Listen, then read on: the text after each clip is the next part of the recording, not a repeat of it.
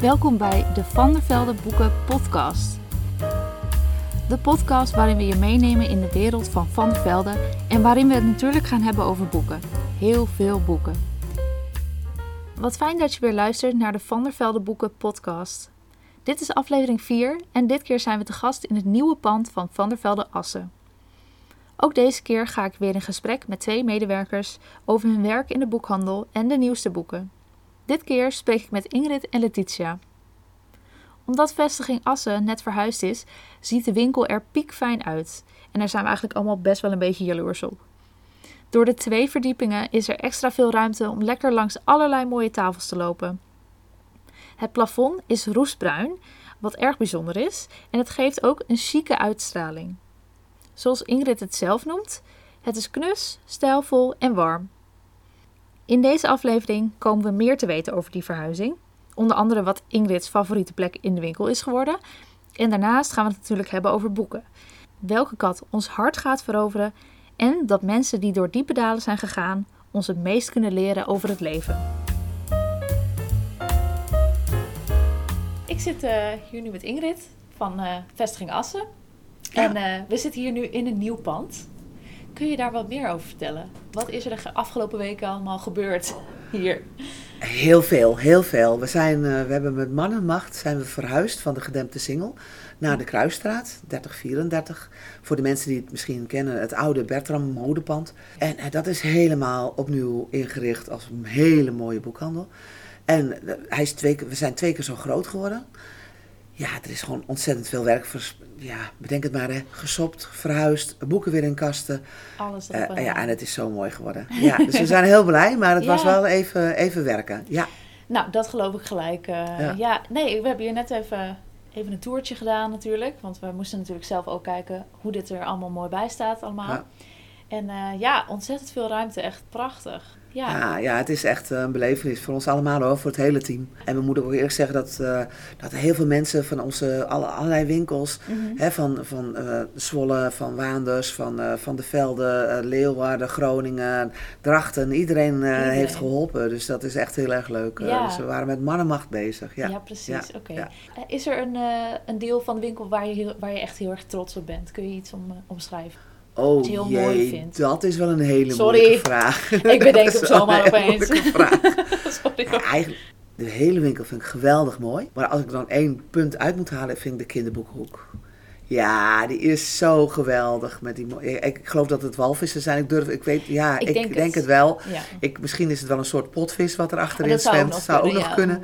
Ik heb hem nog niet opgezocht. Nee, nee. Maar die, en de, die, die walvissen of die potvissen als lampjes. En dat mooie kleed en dat mooie, dat mooie schip Ja. in het midden. Waar kinderen zo lekker aan dat roertje kunnen, aan dat, dat stuurwiel kunnen draaien. Nee, die vind ik geweldig. Dat vind Ja. ik echt zo leuk bedacht. Ja, dat Nou, vind ik echt heel mooi. Ja, echt leuk Ja. bedacht ook. Ja. Ja, Ja, en- fantastisch. Ja en, ja, en voor de rest, de winkel is gewoon, alles is mooi. Ja, Alles is, eh, en we hebben natuurlijk nu ook een hele mooie tweedehandsafdeling. Ook niet te niet vergeten. te vergeten. Hè, voor nieuw in Assen. Ja, dus daar zijn we ook heel erg eh, blij mee. En we hebben al, Ja. merken al, al, nou we zijn natuurlijk nog maar een paar dagen open, dat er allerlei mensen deze afdeling al weten te vinden. Oh, dus, wat eh, leuk. Ja, dus dat is heel Ja. erg leuk. Oké, ja. en wat voor, ja, hoe zou je, is dat echt een toegevoegde waarde, zo'n tweedehands eh, afdeling? ja, ik Ja. vind van wel. Ja. wel Het is gaaf. eh, natuurlijk door, eigenlijk door de automatisering, door internet zijn er heel veel van dat soort winkels verdwe- verdwenen. Mhm. En het is juist zo mooi dat je dat met elkaar als Ja. een nieuwe winkel en, en tweedehands. Nou, mengen is misschien het verkeerde woord. Maar Ja. dat iemand die loopt hier, die kijkt voor het nieuwe boek van het een. Maar kijkt gelijk ook even of dat, dat, dat pareltje wat hij kwijt is. En wat hij nog Ja. eigenlijk zou zou willen vinden. Of die dan niet bij de tweedehands staat. Dus Oh, dat, vind ik gewoon heel erg mooi. Ja, Ja. ja. dat is heel leuk. Oké, dus we gaan eh, zien hoe dat hier eh, zich gaat ontwikkelen. ik ben heel benieuwd. Ja, maar dat wordt dus al eh, mooi gevonden. Nou, dat is in ieder geval hartstikke goed. ja. We zijn er heel blij mee. Ja, Ja. superleuk. Nou, dus zeker iedereen Komen, ja, komen. Ja. Nou, gewoon om even te ja, kijken, in ieder geval. Nou, dan gaan we het nu over boeken hebben, denk ik. Ja, want we hebben er genoeg. onderdeel. We Ja. hebben er genoeg. We hebben ja. er genoeg. Ik zie Ja. hier al wat mooie dingen liggen. Ja. Nou, en wat ik net uit heb, en dat is wel echt een. eh, ja, ik lees eh, eigenlijk best wel veel. Eh tenminste, in ieder geval Ja. eh, literatuur, eh, thrillers. Ik ben wat minder goed in de non-fictie, alhoewel ik wel veel oorlogsromans lees. En, en heel soms dan gooi ik er ook nog eens een feel-good boek tu- tussendoor. En ik moet eerlijk zeggen, en ik ben gek op katten. Vandaar het boek Nala's Wereld. En die heb ik net uit. En ehm, als we het over ehm, eh, filmpjes, YouTube-filmpjes hebben, moet je zeker. Dus Dean Nicholson. Ja, en, en Dean die is een. eh, geschreven ja, die heeft een. ja. eh, Het is een 30-jarige schot. Schot. Geen Schot. schot, maar een schot. Ja. Die gaat in eerste instantie met. nou, het is eigenlijk een beetje een jongen van. Ehm 12 ambachten, 13 ongelukken. Een beetje. Hij weet het allemaal niet precies. Weet je. Hij zit wel eens in de knokken, dat soort. eh, veel bier drinken, Mm. feesten. ja. En uiteindelijk op een gegeven moment denkt hij van ja, het moet, het roer moet om. En dan gaat hij met een vriend, gaat hij, eh, gaat, heeft, heeft hij bedacht dat hij rond de wereld gaat fietsen. Maar uiteindelijk, ik geloof dat al, eh, nou ja, in, het vierde land of zo, ik weet niet eens precies hoor. eh, die vriend die heeft een, had onderwijl een vriendin en die wil toch terug naar huis. Dus hij gaat alleen verder. En Ja. hij vindt dus op een, tussen een, eh, op een bergpas tussen Montenegro en Bosnië, vindt hij een jong kittentje van een paar weken oud. En die Oh, vindt hij in een volledig verlaten landschap. ja. Een uitgehongerd kitten die echt waarvan hij denkt, ja, nou, daar smelt je hart al van. Ja. En die neemt hij mee. En eh, vanaf dat moment is Nala, hij gaat, noemt hem Nala. Toen kwam hij er ook later achter dat het cadeau betekent in Swahili. En hij is er ook achter gekomen dat het echt een cadeau voor hem is. Oh, Want juist door die kat maakt hij met allerlei mensen kennis. En, en iedereen vindt het geweldig. En iedereen eh, komt op hem af en eh, biedt hem dingen aan. En Oh, nou, geweldig boek om te lezen. Ja. Er zitten ook hele mooie foto's. Kijk, er zitten Oh, geweldige lief. foto's in van allerlei. Aan de voorkant en achterkant, ook in het midden nog. Ja, en hij heeft dus ook een YouTube eh, eh, Dus we kunnen Nala ook ja, je kunt. Nala ook eh, echt live zien. Ja. Ik ben alleen, ik ben dan weer zo'n digibet dat ik niet, ik kom maar één- Ja. op één film, maar ik kom nog niet verder. maar, ik heb het wel even gekeken en het is helemaal geweldig. Dus het is echt heel erg leuk. Het is een geweldig boek om te lezen. Vond ik erg leuk. Gewoon lekker feel good, lekker lezen. Dus, oké, mooi. Nou ja, dat was een van mijn laatste titels. En daarnaast was ehm, eh, het boek Verwachting van Anna Hoop. Ja, er werd al veel over geschreven in de, de media. Ja, van dat moest het zijn. En veel over gedaan. Ja. En ik moet ook zeggen. Is het ook wel? Of? Ja, dat- nou ja, het, ik vond het in het begin moest ik wel even inkomen. Oké. Het gaat over drie jonge meiden in één huis. Daar begint het eigenlijk mee. En eh, in Londen. En het zijn drie totaal verschillende types. Het is Hannah, Kate en Lisa. Ik denk dat je het zo wat dubbel S. Lisa. Oh ja. Dan krijg je elke keer een stukje van die personen, te, hoe ze er gekomen zijn, wat. En je krijgt tegelijkertijd tien jaar verder. Dan Oh. zitten ze in een hele andere levensfase, want toen waren het, nou, hè, ze gingen studeren. Ja. Nu zitten ze, zijn ze rond de 30, een beetje in die fase. Ja. Eén heeft een kind, één probeert een kind te krijgen. Je merkt dat het allemaal een beetje gaat schuren. Weet je, ze kijken allemaal een beetje. goed eh, Ja, samen... Ja, Ja, oké. je kijkt een beetje eh, eh, terug naar alles wat heel mooi was. Mhm. En je merkt nu dat alles een beetje begint te schuren. Het is geweldig mooi geschreven. En ik vond ook, het, het begon me meer en meer in het boek te boeien. Ik wil, ik wil niet zeggen dat het het beste boek wat, wat ik ooit geschreven, nee, wat ik ooit gelezen heb, dat is het niet. Maar het was wel, het, het is scherpzinnig inderdaad. Het is rauw, het is scherpzinnig, het is mooi geschreven. Maar het, je moet er even in komen. Mm. Ja, dat vond ik wel. Dat vond ik wel. Ja. Ja, duidelijk. Maar wel een, eh, wel een aanrader. Ook gewoon ja, aanrader. Een beetje, nou ja, Elizabeth Day vond ik daar hetzelfde een beetje mee. Het feest, weet je. Het was een boek dat, dat, dat, ehm, dat schuurt, dat maar wel ontzettend wel goed Ja. geschreven is. En dat is met deze ook een beetje Ja, zo. precies. Ja, deze pakte hem op een gegeven moment ook wel. Ja.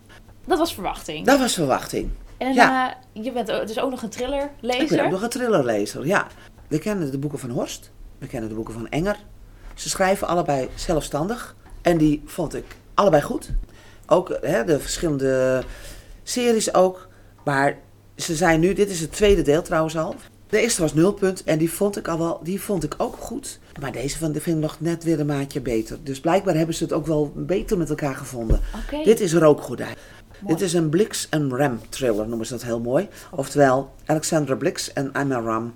Ram zeggen ze denk ik Ja. daar. Eh, die worden, ja, die, eh, die, die, die zijn weer de hoofdpersoon in deze. Emma is natuurlijk sowieso, dat hadden we wel een beetje ook in nulpunt gezien, dat ze wel een, dat allemaal wel een beetje een, een soort mystiek om erheen hangt. Op oudejaarsavond wordt Oslo opgeschrikt door een explosie. En alles wijst op een terroristische aanslag. Maar er is, zit iemand bij, die, die, die, die zit bij de gewonden. Mhm. En waarvan ze weten dat zij is, ah, ooit haar, haar kind is ontvoerd. En daar heeft iedereen Ah. eigenlijk altijd een beetje een raar gevoel van overgehouden. En dan blijken er allerlei dingen te gebeuren waarvan je denkt van... oh jee, dat ga ik dus nu ook niet vertellen. Nee, nee, slecht idee. Maar ja, slecht idee. Maar het- het is niet voor niets. Een rookgordijn Oh, is, de titel zegt meer dan genoeg. juist. Er zijn verschillende rookgordijnen die, Oh, die ze goed. langzamerhand, eh, Ja. waar ze langzamerhand achterkomen dat het allemaal net niet zo is als dat zij denken. En Ja. het einde is weer eh, zeer verrassend. ja, het is Ja. natuurlijk ook, eh, die Scandinavische thrillers, die hebben ook een goede reputatie natuurlijk. Klopt, Ja. ja. Nou, en afgelopen periode dan waren er ook wel een aantal waarvan ik dacht van, leuk. Weet je, Leuk. leuk. Gewoon leuk. Ja, leuk. En deze is weer echt goed. Echt goed. Ja, nou, echt dat goed. moeten we natuurlijk Ja? hebben. Ja, daarom. Deze Met is thrillers is dat denk ik nog wel belangrijker. Ja, ja. nou, ik denk het wel. Je moet erin meegezogen worden, je Ja. moet echt dat verhaal in. En eh, als dat bij een thriller niet gebeurt, dan heb ik altijd een beetje moeite met. Ja. Dan wil ik, dan wil ik, ja, dan Nou, wil dat- ik, dat eh, snap ik wel. Klopt. Dit is weer zo'n boek dat je om drie uur s'nachts denkt, oh, ik moet morgen Toch- werken. Juist, ik moet oh, morgen ik ben, ik ben al zo lang bezig. Ja, Nou, maar ik wil toch nog even door. Ja, toch nog Ja. even door. Ja, Dan bedank ik jou voor nou, dit gesprek. alsjeblieft. We doen het deze week even anders. In plaats van wat fun facts bespreken we deze keer wat uitgebreider de vraag van een luisteraar. Lydia en Chantal hadden ongeveer dezelfde vraag ingestuurd. Namelijk, op welke manier wordt bepaald welke boeken worden ingekocht? Om antwoord op die vraag te krijgen heb ik Ronnie uit vestiging Leeuwarden gebeld. Hij doet samen met andere collega's de inkoop van boeken. Ja, het is eigenlijk heel erg simpel. Eh, er zijn eh, drie inkoopbeurzen per jaar. Dus dat, Mhm. dat noemen we dan voorjaar, zomer en eh, najaarsbeurs. Waarbij de voorjaarsbeurs en de najaarsbeurs eh, de belangrijkste zijn qua aantal titels. Dat is natuurlijk vrij simpel te verklaren. Het voorjaar is omdat we dan vlak bij de Boekenweek zitten. Een belangrijke week voor de boekhandel. Ja. En het najaar omdat we dan natuurlijk richting de feestdagen gaan. En dan willen alle uitgevers natuurlijk wel hun boeken eh, in de winkels eh, zien. Ja. Nou, eh, nou, er zijn heel veel verschillende uitgevers en die presenteren op die beurs allemaal hun boeken. Dat doen ze middels eh, folders. Nu zijn wij een vrij grote boekhandel, dus de meeste uitgevers komen bij ons meestal gewoon aan huis. Mhm. En dan, dan nemen we alles door en dan eh, nemen we inkoopbeslissingen eh, voor al onze winkels. En dat, eh, nou ja, de meeste boeken die wijzen zich eigenlijk wel vanzelf. De nieuwe Grisham, ik noem maar wat. Ja. Nou ja, dan kijk je gewoon wat de vorige Grisham heeft gedaan en dan blijf je een beetje op die lijn zitten.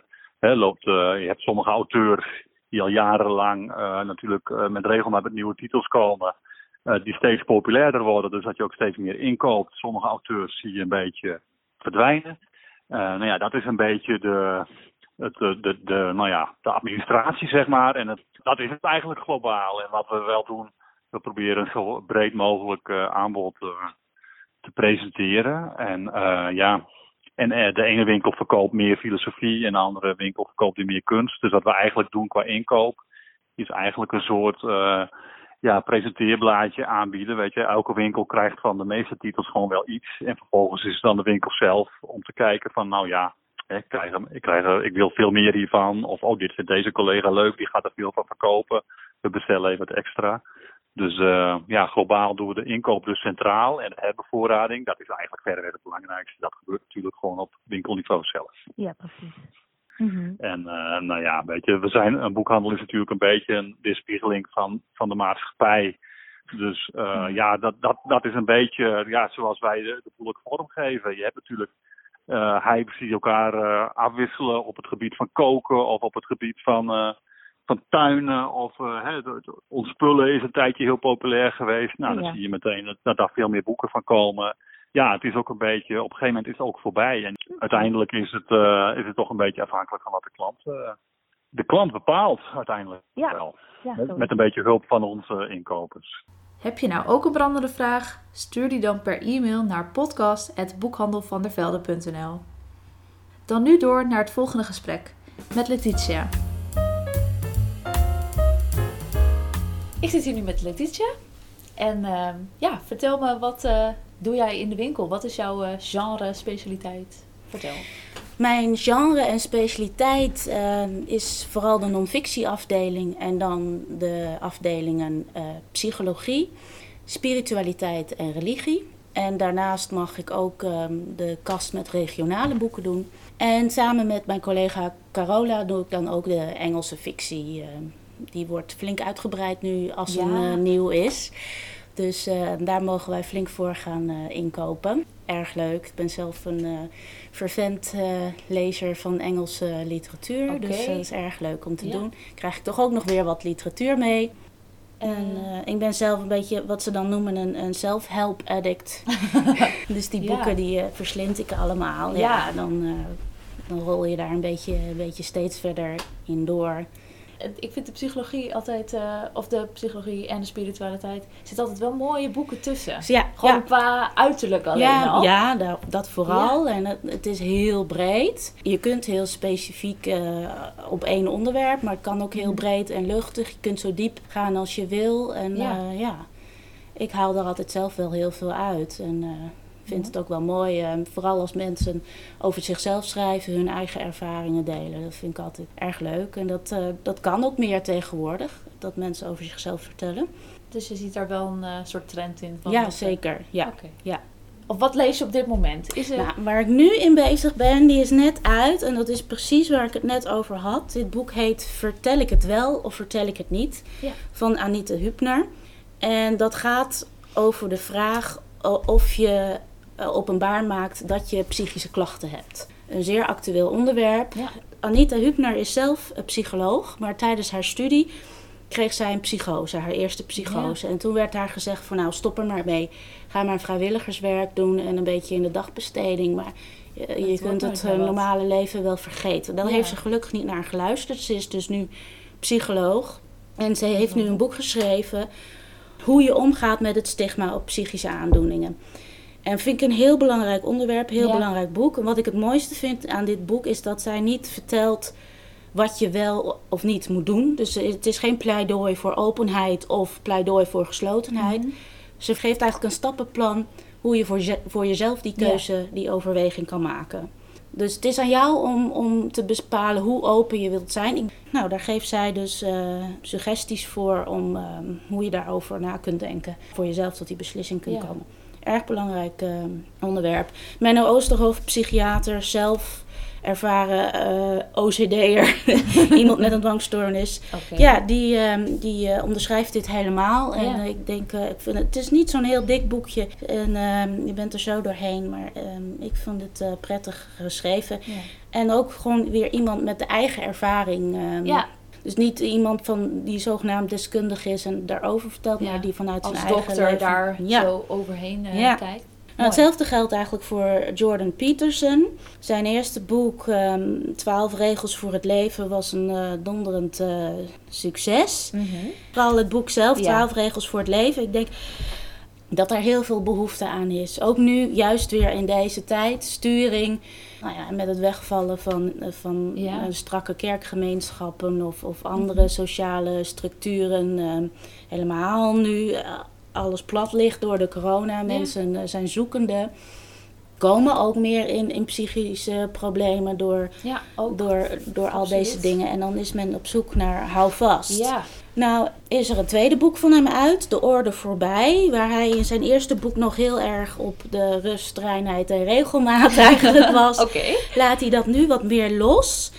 Staat hij ook meer toe dat je binding zoekt met je familie en vrienden. Dus niet meer, ja, je bent altijd nog verantwoordelijk voor je eigen leven, maar hij, hij durft, of nou ja, hij gaat er nu toch weer in, meer in mee dat, je, dat de connectie met je omgeving belangrijk is. En hoe komt dat nou?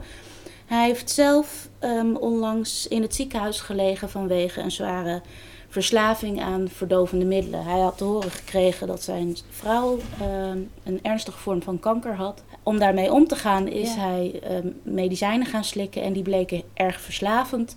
Nou ja, sommige mensen zeggen nu, ja, hoe kunnen we nou hem nog uh, geloven op zijn woord als hij zelf uh, niet ja. in staat is om voor zichzelf te zorgen? Zit wat in. Aan de andere kant denk ik van het, heeft, een mens, het heeft hem menselijker gemaakt. Hij weet nu zelf hoe het is. Hij spreekt uit ervaring van hoe je zo diep in ja. de put kunt zitten dat je het niet meer uh, redt. Ik denk dat hem dat juist uh, rijker maakt in zijn begrip Goed. en in wat hij te bieden heeft. Uh, dus hij komt met uh, twaalf nieuwe regels, maar die zijn wat minder strikt en streng. En wat ik leuk vind aan hem is ook heel veel van die zelfhulpboeken. Ja, zoals mijn vriend het al zegt, het zijn vrouwenboeken. Dat is bij hem anders. Hij spreekt ja. juist mannen aan en dat vind ja. ik wel mooi. Dat dat, dat ook voor die doelgroep er is. Want die hebben daar, dat ook wel nodig. Tuurlijk, soms, die ja. hebben dat ook nodig, hebben daar ook behoefte aan. Een stukje duiding van ja. het leven ja. misschien. Ja. ja. ja, dan nog, eh, ik zie een mooie biografie liggen. Ja, even heel wat anders. Ja. Ja, ik ben. Dat, ik zie nu het patroon dat ik toch wel van mensen, hoe zij hun leven eh, leiden, ehm, wel onder de indruk ben. En ik heb hier de biografie liggen van Hannah Arendt. Hannah Arendt ehm, is ehm, een filosofe die ehm, in Duitsland is opgegroeid. Dus ja, in, in de jaren dertig. Dus ze heeft al, al die, het ontstaan van, van Ja. eh, de Tweede Wereldoorlog, het nazisme, van dichtbij meegemaakt. Ze is beroemd geworden door haar eh, boek Banaliteit van het Kwaad over het Eichmann-proces.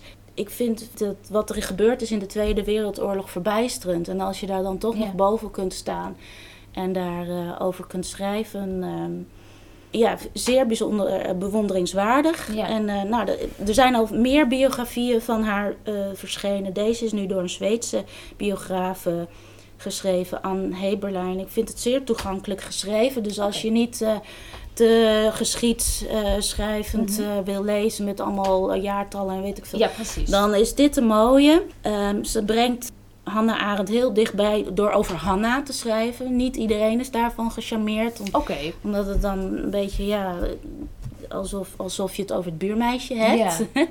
maar aan de andere kant maakt het haar ook wel weer een, Ja. een stukje dichterbij. Precies. En ik vind dat we meer mogen lezen over zulke personen. Ook Ja. weer in deze tijd zijn dat mensen waar we van, wat van kun- kunnen leren. Dus dit is een hele mooie Ja. biografie daarvoor. Ja, vind ik wel. Ja. Over liefde en kwaad. Die Ja. titel is, zegt alles voor mij. Dus eh, ja, Prachtig. ja, ja, Dan wil ik je bedanken voor dit gesprek. graag gedaan. Dan zijn we alweer aan het einde van deze aflevering beland. Alle besproken boeken vind je terug in de beschrijving van deze aflevering en op www.boekhandelvandervelde.nl slash podcast. Stuur je vragen, leuke berichten of andere opmerkingen naar podcast.boekhandelvandervelde.nl en volg ons op Instagram en Facebook. Voor nu hartelijk bedankt voor het luisteren en tot de volgende keer aan de koffietafel bij Van der Velde.